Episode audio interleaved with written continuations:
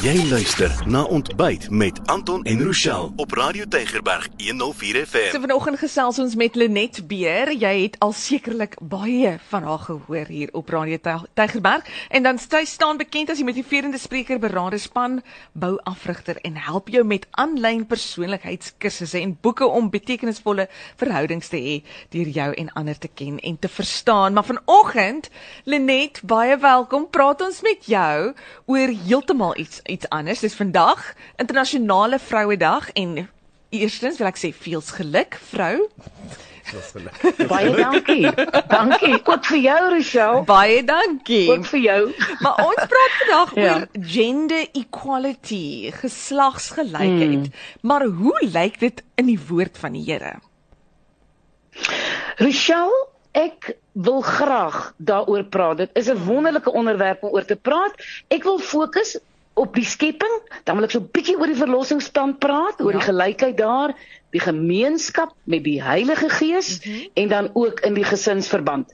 Nou kyk, julle, die Bybel leer dat beide man en vrou in die beeld van God geskape was en het 'n direkte verhouding met God gehad en deel gesamentlik die verantwoordelikheid om kinders voor te bring groot te maak en dat albei heerskappy oor die skepingsorde het. Ons lees daarvan in Genesis 1.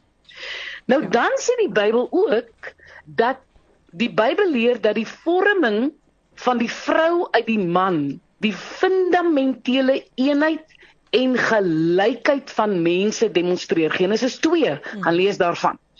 Nou, wanneer ons kyk julle na die verlossingsplan, dan leer die Bybel dat Jesus Christus gekom het om beide vroue en mans te verlos. Hmm. Nou deur geloof in Christus word ons almal kinders van God, een in Christus en ons word erfgename van die seëninge van die verlossing sonder verwysing na rasse, sosiale en geslagsonderskeidings. Hmm. Ons lees daarvan in Johannes 1 en in Romeine 8 en in 2 Korintiërs 5. Hmm. Ons lees ook daarvan in Galasiërs 3. Nou so die verlossingsplan is vir ons almal, die skepping is gelyk, die verlossingsplan is gelyk. Kom ons kyk na die gemeenskap met die Heilige Gees. Die Bybel leer dat die Heilige Gees met Pinkster op mans en vroue neergedaal het. Die Heilige Gees woon in mans en vroue sonder enige onderskeid. En begaaf gelowiges op dieselfde soewereine wyse en dit is sonder om enige voorkeur aan een geslag bo die ander te skenk. Handelinge 2 1 Korintiërs 12 en dan ook Korintiërs 14. Verder sê die Bybel dat me, mans en vroue beide geroep is om hulle geestelike gawes te ontwikkel. Hmm en om dit te gebruik en dan nou natuurlik rentmeesters daarvan te wees. Beide mans en vroue is goddelik begaaf en bemagtig om die hele liggaam van Christus onder sy gesag te bedien. Nie net mans nie, ja. vroue ook. Die Bybel leer dat vroue sowel as mans die profetiese, die priesterlike en koninklike funksies in die Bybelse bedeling beoefen. Handelinge 2 leer vir ons daarvan. Handelinge 18, 1 Korintiërs 11, 1 Petrus 2, Openbaring leer vir ons daarvan. Daarom moet man, hierdie is baie belangrik julle. Daarom moet die paar geïsoleerde teksverse wat wil voorkom asof dit die algehele verlossingsvryheid van die vrou beperk, nie op 'n eenvoudige wyse geïnterpreteer word nie en is absoluut teenstrydig met die res van die Bybel. En dan wil ek nou my laaste drie gesange sing ja. voordat jy met my kan praat as jy my nog iets wil vra. Kyk, in die gesin leer die Bybel dat mans en vroue saam mede-erfgename van die genade van lewe is en dat hulle gebonde is in 'n verhouding van wederwysige voorlegging en verantwoordelikheid teenoor die kinders, nê? Nou, die Bybel leer dat beide moeders en vaders leierskap in die koestering, opleiding, dissipline en lering van hul kinders moet beoefen. Dit die een word nie uitgesonder bo die ander nie. Hmm. Nou, hier is die waarheid. As die kerk hierdie goed doen, sal dit eenheid en harmonie demonstreer. Wat tog die kenmerke van 'n gemeenskap van gelowiges behoort te wees.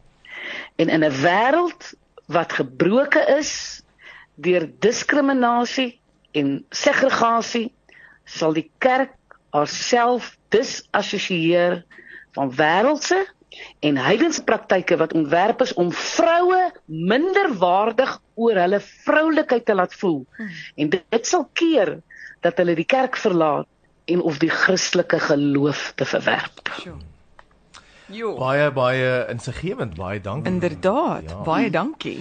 Ja. Waardeer dit regtig baie dat jy deel is van die program vandag, uh, Lenet. En ehm um, ons gesels graag met jou. Ja, sjoe, baie dankie. Is ons nou werkelijk... nou baie om, om aan te kou. Ja. ja, ek ek, ek dink ek ek dink julle, ek dink net die die, die diskriminasie Eh, eh, daar in die wêreld daar buite ja. selfs in kerke kyk daar sekere gelowige waar 'n vrou net geen seggenskap het ja. nie. Ja. En kyk ons ons weet mos dat die woord is altyd die fondasie. Mm -hmm. En ons moet altyd na die woord teruggaan. En daarom is dit vir my belangrik dat van die skepping tot met die grootmaak van kinders tot met die werking van die Heilige Gees het eh, maak die Bybel verseker geen onderskeid nie. Jy kry hierdie gelowiges of uh rakkers soos ek hulle noem wat hier 'n versie pluk en dan pluk hulle daar 'n versie.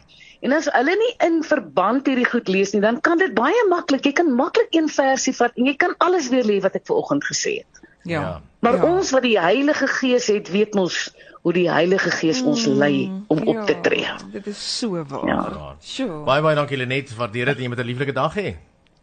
Baie dankie julle drietjies ook, hoor. Dankie. Goed gaan. Bye. Bye. Jy het geluister na Ontbyt met Anton Brink en Rochelle Wiedemann. Skakel elke weekoggend tussen 6 en 9 in. Net hier op Radio Tygerberg 104 FM. Jou beste musiek vir vandag se Christen.